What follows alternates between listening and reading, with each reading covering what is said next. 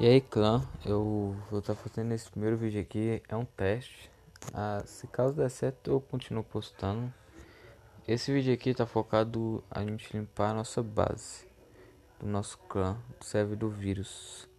Então é isso, se você caso gostar do vídeo deixa o like aí Se inscreva no canal, e é nóis.